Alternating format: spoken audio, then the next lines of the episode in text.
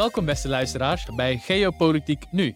We gaan het dit keer hebben over een onderwerp dat eigenlijk ook bij de nationale verkiezingen, die op 22 november 2023 zal plaatsvinden. Het is een belangrijk onderwerp voor Nederlandse verkiezingen, maar ook op geopolitiek gebied en ook in Europa, namelijk migratie.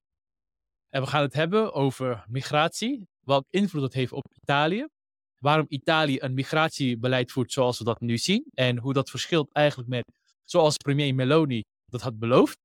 Komt ze haar beloftes na, komt het niet na? En wat gebeurt er eigenlijk met Italië en ook met het politieke klimaat in de rest van Europa, met name West-Europa, als Italië migratie bijvoorbeeld niet kan inperken of kan tegenhouden, zoals ze dat beloven te doen? Ja, wat voor gevolgen heeft dat? Wat voor geopolitieke gevolgen heeft dat voor Europa? Natuurlijk ook voor Nederland en ook voor Afrika, want daar heeft het natuurlijk ook een groot impact. Daar gaan we het over hebben. En ja, Michel, we hebben al vaker de beelden gezien. Ik denk dat de luisteraars het ook bekend is. De beelden van de migranten die aankomen uh, op Lampedusa in Italië. Eerst zagen we dat in Griekenland. In bootjes ook heel veel boten die eigenlijk kapseizen. Uh, waardoor heel veel mensen verdrinken. De Middellandse Zee wordt inmiddels ook wel een kerkhof genoemd. Een uh, massagraf. Er sterven denk ik honderden, misschien zelfs duizenden mensen per jaar op de Middellandse Zee. Om Europa te bereiken ja, toch proberen mensen dat. Mensen worden dus niet ja, bang, ze worden niet bang, ze gaan er toch voor om Italië te bereiken. Als we dan naar Lampedusa kijken. Afgelopen week ook kwamen honderden, misschien duizenden mensen aan op Lampedusa. Wat is er eigenlijk aan de hand? Waarom massaal naar Lampedusa toe? En Lampedusa is een eiland ten zuiden van Italië, dat wat dichter bij Noord-Afrika ligt. En daar komen inderdaad in de afgelopen weken duizenden migranten per jaar eh, per week binnen. En dit jaar, in 2023 tot en met het moment van opname, nou dat is ongeveer eind september, laten we daarop houden, zijn er tot wel 130.000 migranten Italië binnengekomen, met name via Lampedusa. Dit is voor Lampedusa natuurlijk absoluut niet te dragen. Eh, de vluchtelingenkampen zijn daar ingesteld op ongeveer 400 mensen. En daar verblijven op dit moment zo'n 10.000 à 12.000 migranten die in de afgelopen week, anderhalve week zijn binnengekomen. Die 130.000 migranten zijn ook voor Italië heel moeilijk te dragen. En het druist ook volledig in tegen de belofte van Meloni, premier Meloni namens Fratelli d'Italia, broeders van Italië, om de migratie terug te brengen. En dit zet dan ook de verhoudingen breder in Europa onder druk. Je hintte er net al even op, namelijk in Nederland is het kabinet ook gevallen op migratie. De VPD onder leiding van Rutte wilde een strenger migratiebeleid dan met name D66 en de ChristenUnie. En de wijze waarop zij dat wilden bereiken ging te ver voor die twee partijen. Dus hiermee zie je dan ook terug dat het migratiebeleid van Italië, de migratiestromen naar Italië toe en vanuit Italië, een bepalende invloed hebben op de politieke verhoudingen en de verkiezingen in Noordwest-Europa. En waar heeft het nou eigenlijk mee te maken met dat deze migranten uh, en masse aankomen in Italië? Ik denk dat dat deels te maken heeft met het sluiten van de grenzen door Griekenland. Dat ligt ten oosten van Italië. Uh, dus dan hier Italië voor de luisteraar. En dan heb je hier Griekenland liggen en dan hier Spanje. En dan zie je dat Spanje de grenzen min of meer gesloten heeft. En dat Griekenland de grenzen min of meer gesloten heeft. En dat het voor Italië heel moeilijk is om dat te bereiken. Waarom is dat zo moeilijk om dat te bereiken? Omdat Italië natuurlijk voornamelijk zeegrenzen heeft. En als je zeegrenzen hebt, is het moeilijk daar, om daar een muur voor te zetten. Dus dat betekent dat bootjes die gebruikt worden vanuit Tunesië en vanuit Libië, waar mensen instappen, uiteindelijk gebruikt worden om naar Italiaanse zeewateren te gaan en daar dus natuurlijk opgepakt worden door de marine en andere reddingsoperaties worden daar uitgevoerd om die migranten uiteindelijk aan wal te brengen op Italiaans grondgebied. Terwijl je aan het praten was, ik denk het is interessant ook voor ja, de luisteraars, maar ook voor de kijkers, voor de mensen die op YouTube kijken, om even te kijken waar Lampedusa ligt. En om zo een beter begrip te krijgen van waarom Lampedusa, waarom niet naar Rome bijvoorbeeld. Ja, lijkt me een goede. Ja. Dus al één seconde. Ik ga met je meekijken zo. Green. Ja, dus hier zien we inderdaad Europa. Dit is ook wat de kijkers kijken. En de luisteraars kijken het ook op YouTube, zou ik zeggen. Nou, dit is dus Europa. Hier is Italië. En bij mijn muis zie je hierboven natuurlijk Noord-Afrika. Daar komen veel migranten binnen. En het aparte van Lampedusa is, als ik een beetje inzoom, een klein beetje inzoom, en dan zie je hier, ja, Palermo, Sicilië, eh, echt het zuidelijke eilandje. Hier heb je Malta. En dit eilandje hier zo, als het goed is, moet Lampedusa zijn. Ja, dit eilandje hier zo. Ja, oh, dus hier, sorry. Lampedusa-. Ja, is Lam- Lam- Echt, je kan er gewoon naar kijken. Ja, je kunt het Ja. bijna zien vanaf de kust van Tunesië. Dus het ligt echt tussen Sicilië en Tunesië in. En daarmee is het natuurlijk ook een hotspot voor Ja. migrantenstromen. En dat is heel erg begrijpelijk. Het druist wel in, zoals gezegd, tegen de beloftes van Meloni en ook vanuit de EU. Want we hebben natuurlijk in juni, en dat is misschien wel het meest interessante, Team Europe, en dat is eigenlijk een ja, nieuw verzinsel eigenlijk, een nieuwe constructie, zien afreizen naar Tunesië toe Dat is echt onder leiding van Meloni, Alexandra van der Leyen en Mark Rutte, onze eigen Mark Rutte, om een deal te sluiten met de president van Tunesië, Sayed. En om uiteindelijk daarmee de migrantenstroom naar Europa flink in te dammen. Dat heeft tot nu toe nog niet echt eh, zijn vruchten afgeworpen. En daar zijn meerdere verklaringen voor, denk ik, waarover we ook komen te spreken. Ja, dus ja, zoals we op de kaart zagen, dan zie je dat Tunesië ligt echt onder Italië. En Lampedusa, je kan het denk ik kijken in Tunesië. Dus logisch dat ze dan naar Lampedusa gaan. Los van wat het eigenlijk met dat eilandje zelf doet. Want dat eilandje is denk ik net zo groot als misschien Den Haag. Half Den Haag zelfs. Dus ook voor de lokale inwoners heeft het een groot impact. Maar inderdaad, dus er waren een paar Europese landen, wil ik over hebben, die een deal probeerden te sluiten met de president van Tunesië. En ik denk ze probeerden hetzelfde te bereiken als met president Erdogan in Turkije. Ja, met de 2015-16 Turkije-deal. Ja, en dan was er, dacht ik, uit mijn hoofd 2 miljard werd er minimaal betaald. 6 miljard. Of 6 miljard werd er betaald. En eigenlijk heel plat gezegd, natuurlijk, er zijn nog meer details aan verbonden, maar Turkije krijgt het geld van Europa, waaronder ook Nederland zou eraan meebetalen. En in ruil daarvoor zou Turkije zoveel mogelijk, of bijna alle migranten tegenhouden. En zou er sprake zijn van één op één migratie. Dus Nederland zou dan één asielzoeker uit Turkije kiezen. En in ruil daarvoor zou Turkije een uitgeprocedeerde asielzoeker uit Nederland en andere Europese landen. terughalen. Dus uit iedereen Griekenland uit terughalen. Griekenland zou worden teruggestuurd. En in ruil daarvoor zou Nederland en de rest van de Europese Unie één Syrische asielzoeker uit Turkije overnemen. En inderdaad, die 6 miljard, eh, daar was mee bedoeld dat dat zou gaan naar Syrische vluchtelingen en voor eh, hun opvang al daar. Zo'n vergelijkbare deal wilde de Europese Unie, en nog steeds wil de Europese Unie sluiten met landen als Tunesië, Algerije, Marokko en ook Egypte. En voordat we even ingaan op het deal met Tunesië, was het een succesvolle deal met Turkije? Want blijkbaar wel als een soort gelijke deal ook met andere landen willen sluiten. Qua ontwerp absoluut. Qua uitvoering soms wel, soms niet. Dus we zien wel dat de migratiestroom flink is ingeperkt, mede dankzij de deal. Het heeft ook wel te maken met dat Griekenland een extra slot op de deur heeft gezet via een heel hard migratiebeleid. En daardoor eigenlijk heeft gezorgd dat migratie vanuit Turkije naar Griekenland toe flink is ingedampt. Zelfs zo erg dat inmiddels vluchtelingen of asielzoekers vanuit Turkije en ook andere landen om Griekenland heen gaan. Om uiteindelijk eh, in Italië aan wal te geraken. Dus daar zie je duidelijk terug dat er twee sloten op de deur zitten. Vanuit Turkse zijde, vanuit die deal. En vanuit Griekse zijde, vooral om te voorkomen dat Erdogan dit geopolitiek kan misbruiken naar Griekenland toe. En daar heeft het Mitsotakis-regime onder leiding van Nea Democratia in Griekenland sterk op ingezet. Een vergelijkbare deal zou dus gesloten moeten worden, is het doel met Tunesië. Eh, Alleen we hebben de afgelopen maanden gezien dat het ontwerp van de deal al te wensen overlaat, want er is nog weinig geconcretiseerd. Maar dat de uitvoering van de deal, in ieder geval vanuit Europees perspectief, helemaal te wensen overlaat. En de motivatie voor Sayed om een deal te sluiten met de EU is ook wel interessant om even te benoemen. Tunesië staat er namelijk economisch heel slecht voor. De werkloosheid loopt stevig op, de inflatie loopt echt de spuigaten uit. Dat haalt echt tientallen procenten per jaar. Mede door de energiecrisis, de voedselcrisis, het teisteren Tunesië ontzettend hard. Dus daarom wil Tunesië graag economische ondersteuning hebben. En in ruil daarvoor wil de EU graag terugzien dat migratie wordt ingedampt. Daarom zijn ze uitgekomen op een ontwerp van de deal waarin Tunesië zo'n 900 miljoen krijgt voor de ondersteuning van de economie. 150 miljoen voor ontwikkeling van bredere zakelijke samenwerking.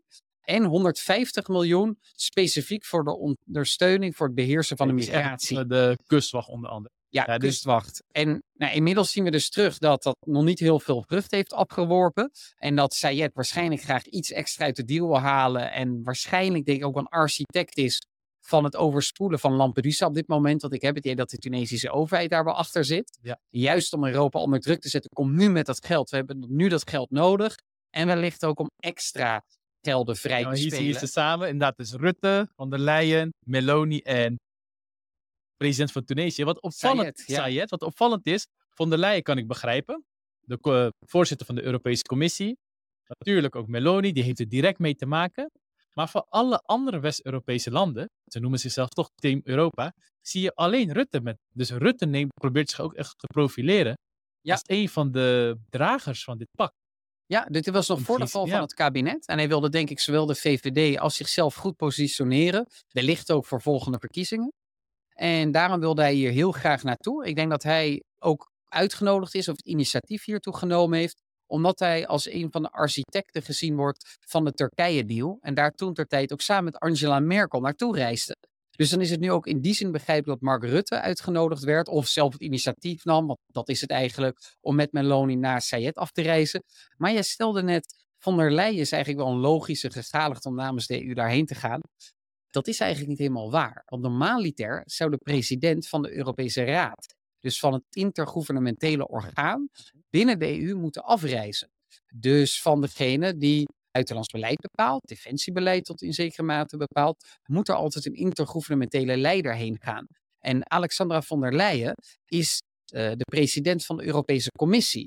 En dat is een supranationaal orgaan. En wat houdt dat nu eigenlijk in? Dat die boven de lidstaten zweeft. En die heeft eigenlijk geen bevoegdheid om zulke deals te sluiten. Vandaar dat eh, ze, denk ik, ook naar de term Team Europe hebben gegrepen. Oké. Ik denk dat dat de reden is. Ja, maar als we dan even naar de deal kijken, pak even een ander kaartje erbij. Eh, Dan zie je dat ja, het aan de ene kant wordt geprezen, maar er is best wel veel kritiek op de deal. Ja. Met name hoe Tunesië met migranten omgaat. Vooral bij het zuiden, wat ze daar doen bij de woestijn, dus bij de grensgebieden met Algerije en Libië.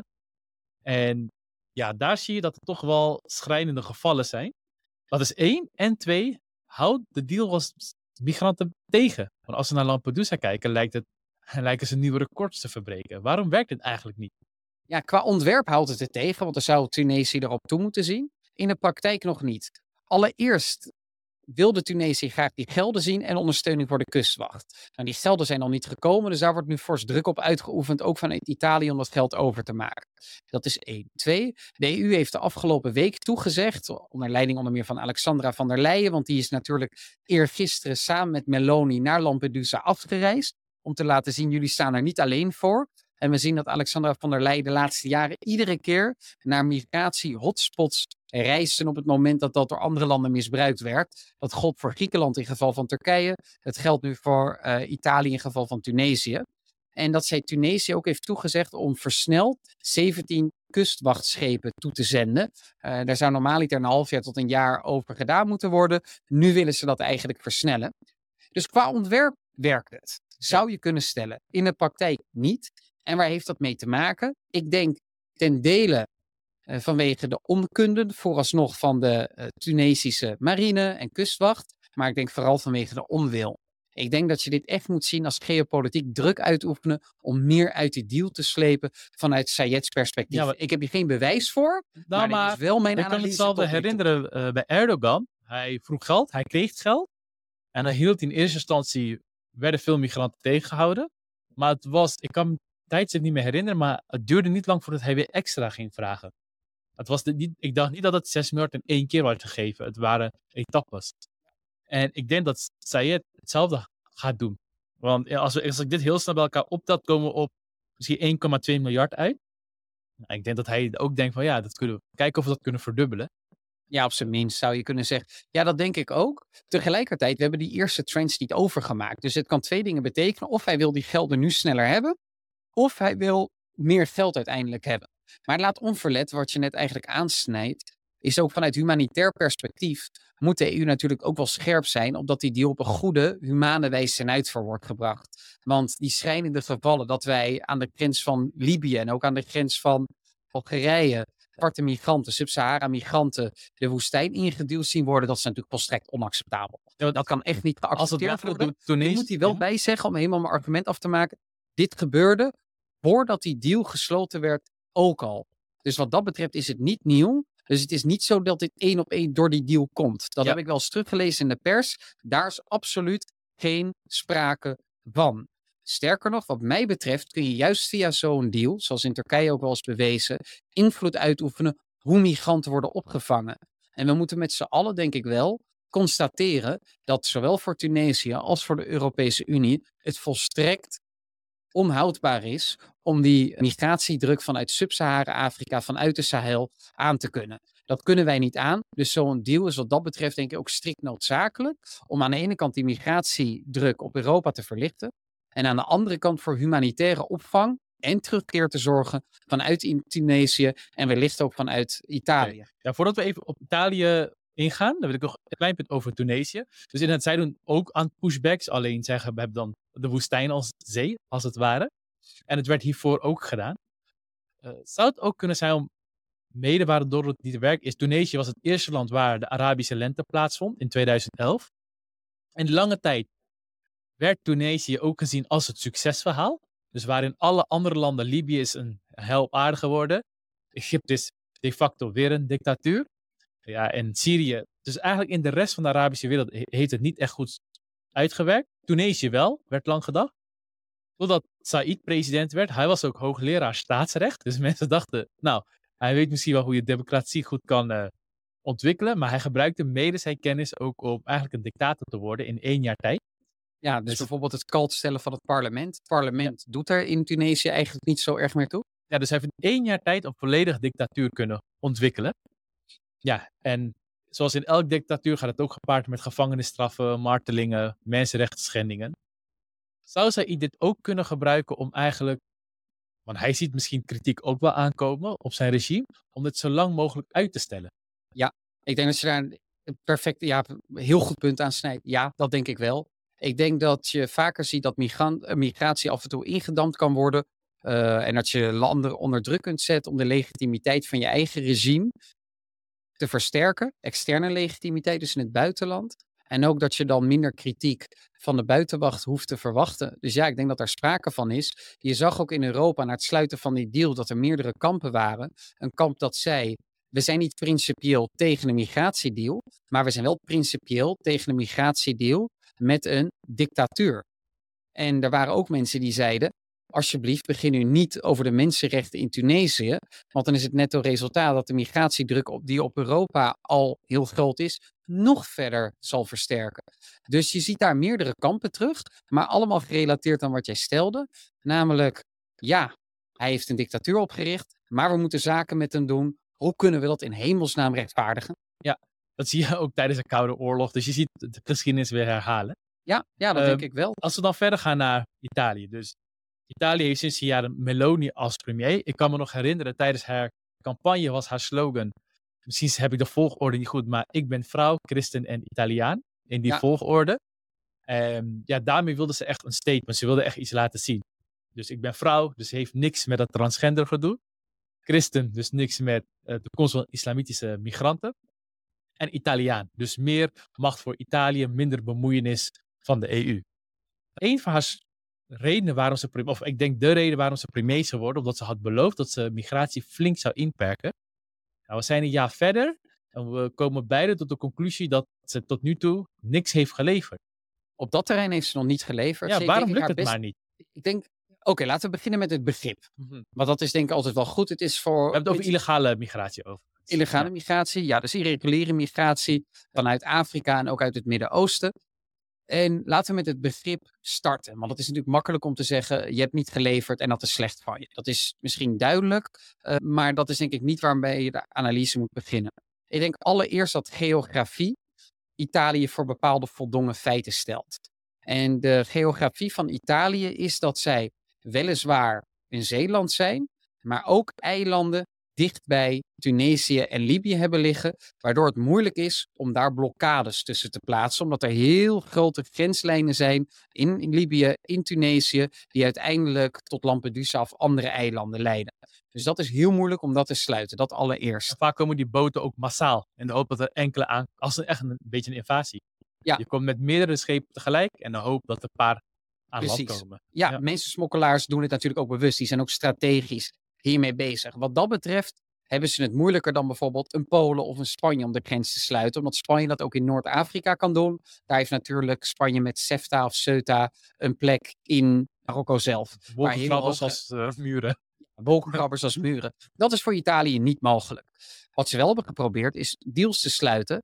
En ze hebben ook wel eens geopperd ten tijde van de, ten tijde van de campagne, zowel Matteo Salvini, haar coalitiepartner, als Meloni zelf, om via een marineblokkade de zeemuur op te werpen, die in hun ogen toen ter tijd benodigd was om de migratiestromen te stemmen. Daar is nu geen sprake van. De enige die dat nu wel eens bepleit in de marge is Matteo Salvini, die inmiddels Binnenlandse Zakenminister is. En hoe zou dat eruit Infrastructuur, sorry, hij was eerst Binnenlandse Zaken. Hoe zou zo'n zeeblokkade eruit zien dan? Waar moet ik aan denken? Ja, dat is dus het lastige. Soms zijn de mensen die daarvoor pleiten daar wel eens iets te simplistisch in. Maar ik denk dat het mogelijk moet zijn. Ik denk dat Griekenland dat wel eens bewijst. Of je het nu eens moreel ermee eens bent of niet. Maar je zou er natuurlijk voor kunnen pleiten dat je gewoon zegt: elke boot die langs een bepaald marineschip of kustwachtschip vaart, pak je op en zet je weer terug op het Tunesisch vasteland. Dat is hoe zo'n Ook binnen het verdrag eigenlijk. Dan nou, het, met Tunesië, toch? Het, het, zou wellicht, eh, dat, dat verdrag moet nog verder gesloten worden, maar het zou tegen internationaal recht ingaan op dit moment, zoals dat nu helpt. Er zijn wel sommige stemmen, ook in Italië, en ik denk dat dat de meest van belang zijn, zijn op dit moment, die stellen inmiddels hebben wij recht op de clausule in dat artikel. Dat zegt dat je geen zeeblokkades mag opwerpen. Namelijk dat het zo destabiliserend werkt dat er gewoon sprake is van een absolute crisis. Dus dat er ook juridisch gezien een grondslag is voor een zeeblokkade. Daar kun je humanitair natuurlijk tegen inbrengen van dit is niet menselijk. Die mensen zijn op zoek naar een beter lot. En waarom zou je die niet gewoon een kans geven? En daar wordt dan natuurlijk weer tegen ingebracht. Namelijk de absorptiegraad voor Italië en ook Noordwest-Europa is al bereikt. Dus wij kunnen die mensen niet een lonkend perspectief bieden. Dat is één. En dat vind ik wel interessant om hier te benoemen. En vooral politieke stabiliteit komen we later op terug. Maar dat gaat ook impact daarop hebben. Ja, dat zeker ook. Maar het, het tweede is, en misschien wel het belangrijkste. Veel van die migranten die in Italië aankomen, hebben geen recht op asielstatus. Sterker nog, van wat ik heb gezien de laatste dagen in Italiaanse media, ruimschoots, 70 à 80 procent heeft dat niet. Wie heeft eigenlijk recht op asiel? Wat recht op asiel, er zijn eigenlijk twee soorten. Nederland wil ook naar dat twee statussen toe. Mensen die vanwege hun identiteit of politieke voorkeur een heel grote kans hebben op onheuse eh, vervolging. Je bent dus homo, verkeerde religie of... Marteling, ja. politieke tegenstander, dat is één. En twee, mensen die in een directe oorlogssituatie verkeren. En de meeste vluchtelingen die nu, of migranten die nu aankomen op uh, Lampedusa, mhm. zijn eigenlijk vanuit West-Afrika. Dus denk uit Niger, uh, denk aan Burkina Faso, uh, uit Nigeria, uit Gabon, uit Soudaan, waar natuurlijk niet sprake is overal van een oorlogssituatie. Integendeel. En dat zijn niet de migranten die wat dat betreft vanuit juridisch perspectief hebben op hun asielstatus. Dus dat is dan weer een argument ook tegen. Nee, dit, dit, deze wijze van migratie werkt niet voor de Europese Unie, werkt niet conform het VN-vluchtelingenverdrag. Dus wij moeten hier paal en perk aan stellen en zelf bepalen wie wij de Europese Unie binnenlaten. Ik ondersteun dit zelf. En inmiddels heeft ook Alexandra von der Leyen laten blijken namens de Europese Commissie en de Europese Unie dat Europa absoluut naar een situatie toe moet waar Europa zelf bepaalt wie het continent binnenkomt. Op basis van natuurlijk wat wij nodig hebben voor de arbeidsmarkt, maar ook op basis van kwetsbaarheid. En dan moet je gewoon mensen selecteren in vluchtelingenkampen. Ja, want stel voor je hebt maar heel plat gezegd duizend plekken. Dat je, je wilt ervoor zorgen dat die duizend plekken echt gaan naar de mensen die het meest nodig hebben. En niet naar de mensen die vanwege economische redenen gaan uit het land. Precies, en, ook nog is geen sprake van dus. Ja, en ook het absorptievermogen van de bureaucratie als het ware. Los van het regelen van opvangplekken. Velen gaan ook vaak in procedures om toch te kunnen blijven. En we merken in Nederland, had ik gelezen afgelopen dagen, dat ook het, het rechtssysteem uh, ook vast begint te lopen. Omdat natuurlijk, je hebt heel veel asielaanvragen die worden afgewezen. Ja, je, mag, je hebt een systeem dat je in hoger beroep kan gaan en verder kan procederen, waardoor het hele rechtssysteem ook ja, vastloopt. Het heeft ook impact op de ja, leefbaarheid, op uh, de welvaart van de lokale bevolking. Ja, ik denk ook, je hebt altijd, is er sprake van een economische en een culturele absorptiegraad. Dat geldt voor elk land. En wereldwijd is dat eigenlijk best wel een consensus dat dat er is. Ja, maar nergens in de wereld wordt dit uh, echt wordt toegelaten. Op deze manier, wordt dit op deze manier gedaan. Er zijn echt nauwelijks landen te vinden die dat op deze manier doen. Uh, in Noordwest-Europa komen daar ook in toenemende mate achter dat er gewoon een economische en culturele absorptiegraad zit aan wat je aan kunt als land. En uh, dat je op een bepaalde manier een keuze moet maken tussen ofwel ga je voor niet-selectieve migratie, of voor de verzorgingsstaat. Niet-selectieve migratie kun je op de lange termijn niet combineren met een volwaardige verzorgingsstaat of welvaartsstaat. Inmiddels begint dat besef echt in te dalen. En ook in Duitsland, in, eh, Nederland, in Frankrijk. Maar daar moet er wel naar gehandeld worden. En padafhankelijkheid is hier eigenlijk een heel erg beperkende factor. We hebben dat natuurlijk wel eens behandeld ook in podcast. Padafhankelijkheid betekent eigenlijk dat jij door keuzes gemaakt in het verleden, juridisch, maar ook sociaal-economisch, het moeilijk is om uiteindelijk in de toekomst andere keuzes te maken en radicaal van koers te wijzigen. En dat zien we hier dus ook terug. Dat dat door juridische verdragen, door het EVRM, dus Europees Verdrag van de al Rechten kunnen van de zaken Mens, snel veranderen. Zaken kunnen snel veranderen. ja. En ik denk ook dat de EU toe moet naar die situatie, omdat je anders heel veel voer geeft aan ongelooflijk veel ja, minder prettige politieke krachten ter rechterzijde. Ik ben zelf bepaald geen fan van de AFD. Wij proberen een beetje politiek neutraal te zijn in onze podcast, dus niet te veel afkeren en voorkeuren te hebben voor politieke partijen. Maar een AFD in Duitsland, ik begrijp de voedingsbodem waarom zij groeien heel goed. Namelijk migratiekritiek met economische Hetzelfde in onzekerheid. Frankrijk ook. In Frankrijk Ja. ook. Maar de AFD is niet, wat mij betreft, een frisse club die Duitsland of Nederland verder brengt op de Europese Unie. Dus je moet ervoor zorgen dat redelijke eisen van burgers ingewilligd worden. En een van die eisen is grip op migratie. En dan zou ik nog één punt willen aandragen. Dan ben ik ook benieuwd hoe jij daarin staat. We zijn natuurlijk geopolitiek nu, dus dat geopolitieke perspectief doet er nog meer toe eigenlijk. De rol van Wagner in Ja. de spontane enorme toeloop naar Tunesië toe. Natuurlijk, Sayed misbruikt dit ook. Maar ik heb ook wel het idee dat Wagner in de afgelopen jaren, niet alleen de afgelopen maanden, maar de afgelopen jaren al stelselmatig die migratoire druk, dus die migratiedruk op de Europese Unie, heeft willen opvoeren. Door bijvoorbeeld, wanneer zij de macht hadden gegrepen met hun eh vazalpresidenten in Burkina Faso of Niger, noem een van de andere eh Congo maar op, Congo afgelopen weer, weken. Gabon, Ja. Mauritanië, Mali, ga zo maar door. Dat die ook juist bewust zorgen dat die migratiedruk flink wordt aangewakkerd in deze landen. Hoe Ja. zie jij dat? Denk je dat dat Eh, het geval is? ja, natuurlijk kunnen we nooit zeggen of, eh, of het expres wordt gedaan of niet. We hebben de informatie niet. Maar eh, laat me het zo stellen. Als ik een deel uitmaakte van het Poetin-regime, dan zou ik dit logisch vinden. Dan zou ik juist hiervoor gaan. Want je weet, aan het front boek je niet echt successen. Front in Oekraïne? Front in Oekraïne. En je ziet vaker in de geschiedenis, als een echt een externe front niet lukt, waar, zit waar ga je dan proberen instabiliteit te creëren? In de interne front. Dus in de situatie in de tegenstander zelf. En als je ziet, is door juist de migratie op te voeren, dan zie je dat ook in Europa de instabiliteit, de ontevredenheid in de politiek alsmaar aan het toenemen is, waardoor er ruimte staat voor onfrisse partijen. Nogmaals, we begrijpen, we begrijpen in die zin waarom mensen daarom naartoe gaan, want je wordt niet gehoord. Dus dan ga je naar iemand toe die naar je luistert. Al is de intentie van diegene niet fris, zoals je het aangaf. En wat mij ook opviel is, heel Europa breed, is dat van al die onfrisse clubs, ook in Nederland, maar ga de namen niet noemen, die kennen de luisteraars denk ik zelf, is dat ze allemaal een andere kijk hebben naar Rusland en Poetin. Ja. En die zien Rusland, Poetin een beetje als eh heilstaat, een christelijke heilstaat, niks dat er niks is met het christendom.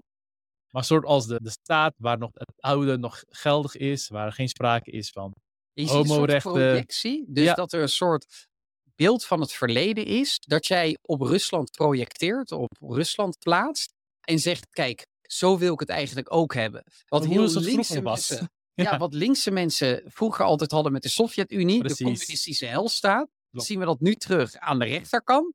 Waar juist mensen Rusland blind zijn voor wat daar werkelijk afspeelt. En ook blind zijn. Want ja, Ja, want ik, zoals ik er vaker aangaf, ik hou van documentaires. Kijk nu Apocalypse, zou ik heel aanraden over de Koude Oorlog. En ik wist dat niet echt, maar in Nederland waren onder linkse partijen echt een, een utopisch blik naar Stalin en naar de Sovjet-Unie toe. Ik dacht, hoe, hoe dan? Ja. Maar ja, ze wisten het ook niet en het werd inderdaad een paradijs geprojecteerd. En dat zien we nu eigenlijk weer naar Rusland toe. ja, Maar dan niet vanuit de linkerhoek, maar nu weer vanuit de zeer rechtse hoek. ja, dus En- op een bepaalde manier is En- extreme... En dat zie je ook nu terug, bijvoorbeeld bij Orbán en dergelijke, die, die het meestemmen met sancties, die vaker aangeven van, ja, als het aan ons ligt, dan willen we per direct de oorlog stoppen. Geen hulp meer aan Oekraïne. Zelfs in Amerika aan toe zien we dat, bij met name republikeinse kandidaten. Dus ik denk dat er misschien wel ja, wat achter zal zitten. Ik zou me niet verbazen, en laat me het zo zeggen, ik zou het zelf, als ik deel uit zou maken van het Poetin-regime, ook actief stimuleren. Ja, dat denk Ja. ik ook. En we zien het natuurlijk ook terug in Wit-Rusland. waar ze dit ook al proberen te doen. Of in Belarus, waar ze ook al jarenlang proberen migranten de grens over te sturen met ophalen. Polen. Ja, ja, ja, uit Irak, uit Syrië. Geef ze een visum en duw ze de Poolse grens over. Polen heeft dat onder meer via pushbacks geprobeerd te blokkeren. Geldt ook voor een aantal andere lidstaten in het oosten van, eh, van Europa. En Italië wordt nu eigenlijk eh, aan hetzelfde blootgesteld. En het is inderdaad wel interessant om te kijken. Stel je voor, het lukt Italië nu niet, en de Europese Unie nu niet, om die migratie in te dammen. Welke effecten dat zal hebben op de Europese Unie en hun steun van Oekraïne. En ik denk wel dat eh, Rusland daarop anticipeert. Ja, ik denk, als het niet gaat lukken, dan gaan we denk ik hetzelfde hebben als wat, we hebben het vorige week gehad over Polen. En toen zeiden we dat bij de peilingen, de meest linkse partij, die er eigenlijk echt toe doet, is een centrumrechtse partij, die van Donald Tusk. En dan had je dan een rechtse partij, die nu De aan de macht is, de PiS-partij. Je kan een beetje als de PVV bekoppelen, als je het wil. En de derde partij in de peilingen is nog rechtser. Dus nog rechtser dan de Nederlandse PVV, als het ware. Nou, die zijn dan altijd allemaal anti-Russisch vanwege hun geschiedenis. Maar als je het naar de rest van West-Europa met name zou koppelen. Als het Meloni niet zou lukken om die migratie tegen te houden. En ik denk dat Rutte dit ook ziet. Dat hij mede daarom ook daarvoor gaat. Is dat je in Nederland zulke tendensen ook gaat zien. In Frankrijk zien we het ook bij de peilingen.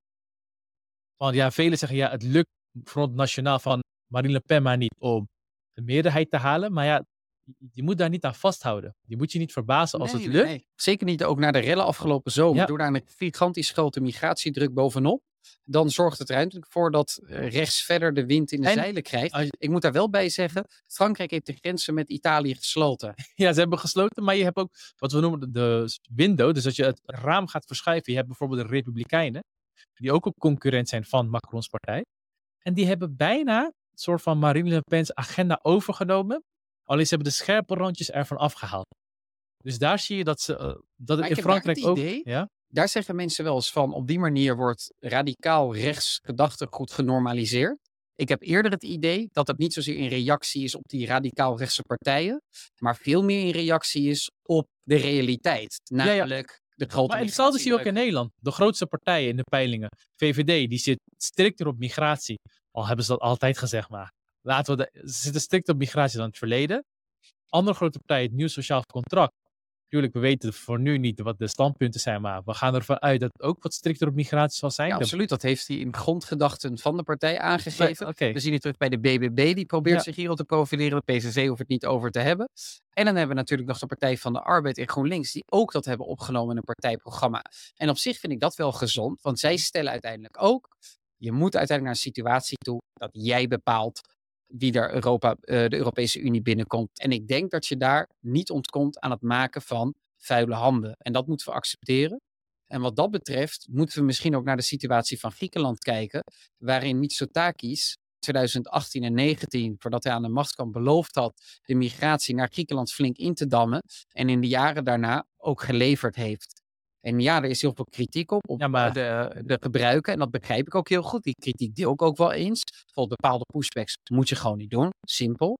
Maar je kunt als land niet totaal je grensbeleid laten misbruiken en eh, beïnvloeden door andere staten. Dat zorgt uiteindelijk voor dat je geopolitiek chantabel bent en dat jij mensen je land binnenkrijgt die geen recht hebben op asielstatus, die misschien niet met de goede intenties binnenkomen en dat je ook nog eens de kans ontneemt van echte kwetsbare vluchtelingen in vluchtelingenkampen. Dus dit is op elke mogelijke manier onwenselijk en onhoudbaar. Oké, eh, ik denk dat Mitsotakis dat ook vooral doet, om niet geopolitiek chantabel te zijn. Zou het ook kunnen zijn dat Meloni dit doet en ze ziet dat het misschien niet werkt, maar als we even een beetje politiek zouden sparren, van laat ik eerst, laat ik eerst dit proberen. En als het niet werkt, heb ik als het ware meer grond voor pushbacks. En dus zonder dat ik al te veel kritiek zou kunnen krijgen van pushbacks.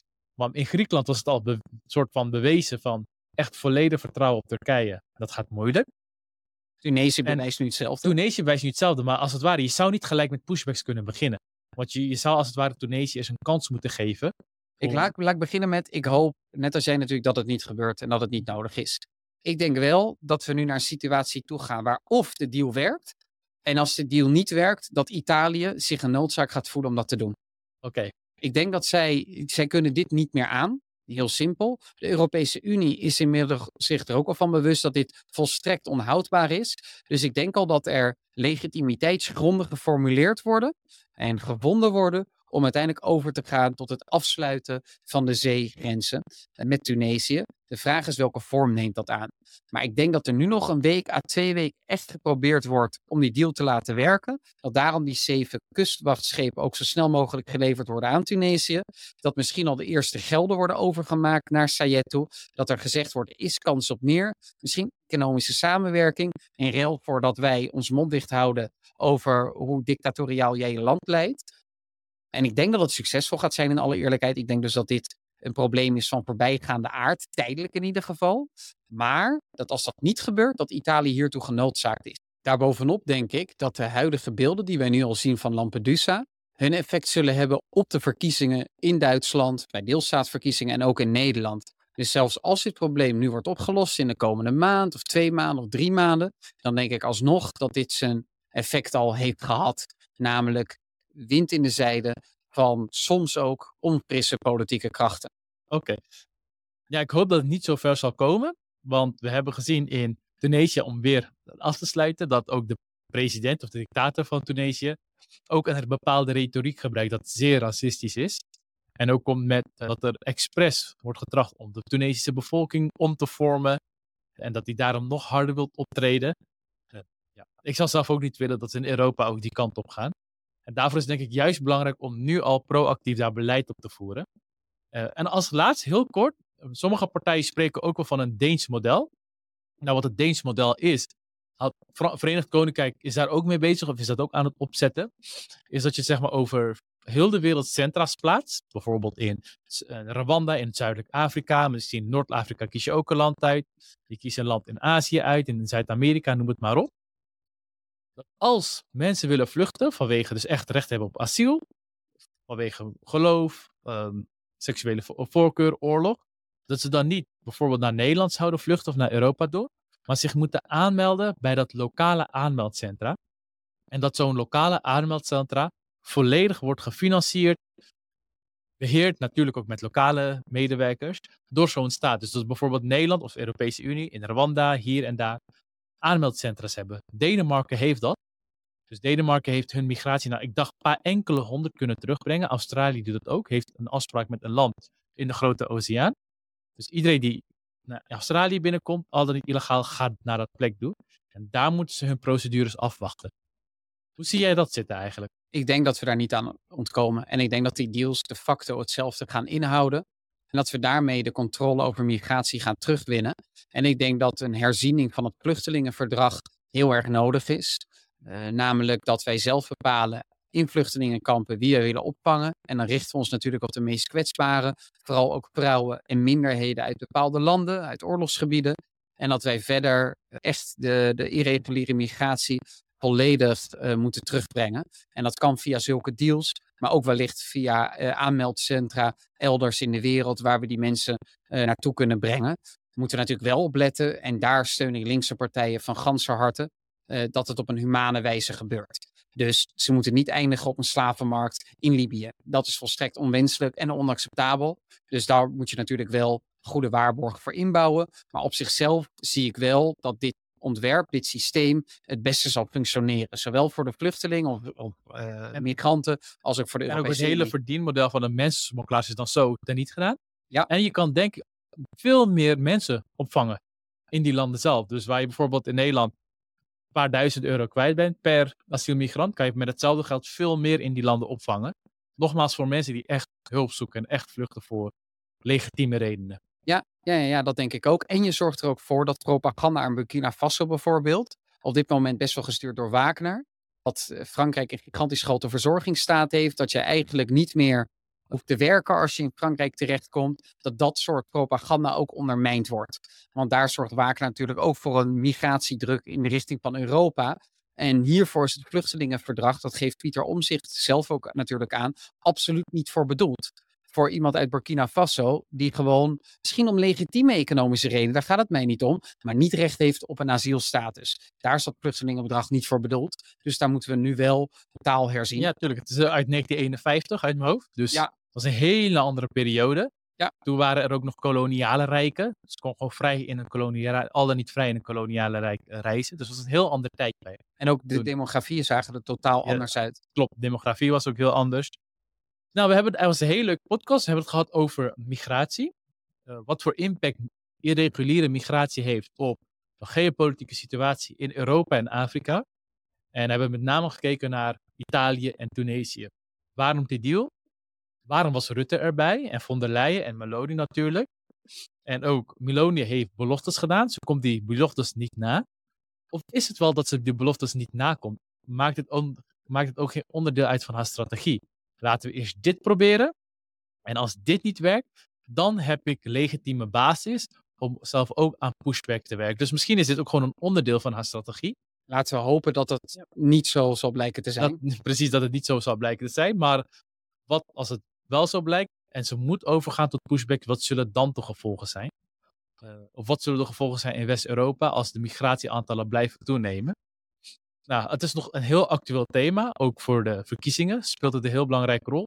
En ik denk ook dat we sowieso het komend jaar wel nog een keer of nog een paar keer over dit thematiek zullen hebben. Zeker. We zien het eigenlijk in bijna elke geopolitieke strijd terugkomen. We hebben het over ja, Polen zie je dat terug. We hebben het over Sahel gehad. We zullen het nog over Afrika een paar keer hebben. En het wordt ook gewoon door geopolitieke machten gebruikt Ja. om de Europese Unie eh, te chanteren. Ja, het is ook gewoon een geopolitiek wapen tegen Ja, tegenwoordige Turkije heeft dat geprobeerd, eh, Be- Belarus, eh, Rusland. Dus ja, Nou, we hopen natuurlijk dat jullie afscheid hebben kunnen nemen van jullie ongeïnformeerde zelf.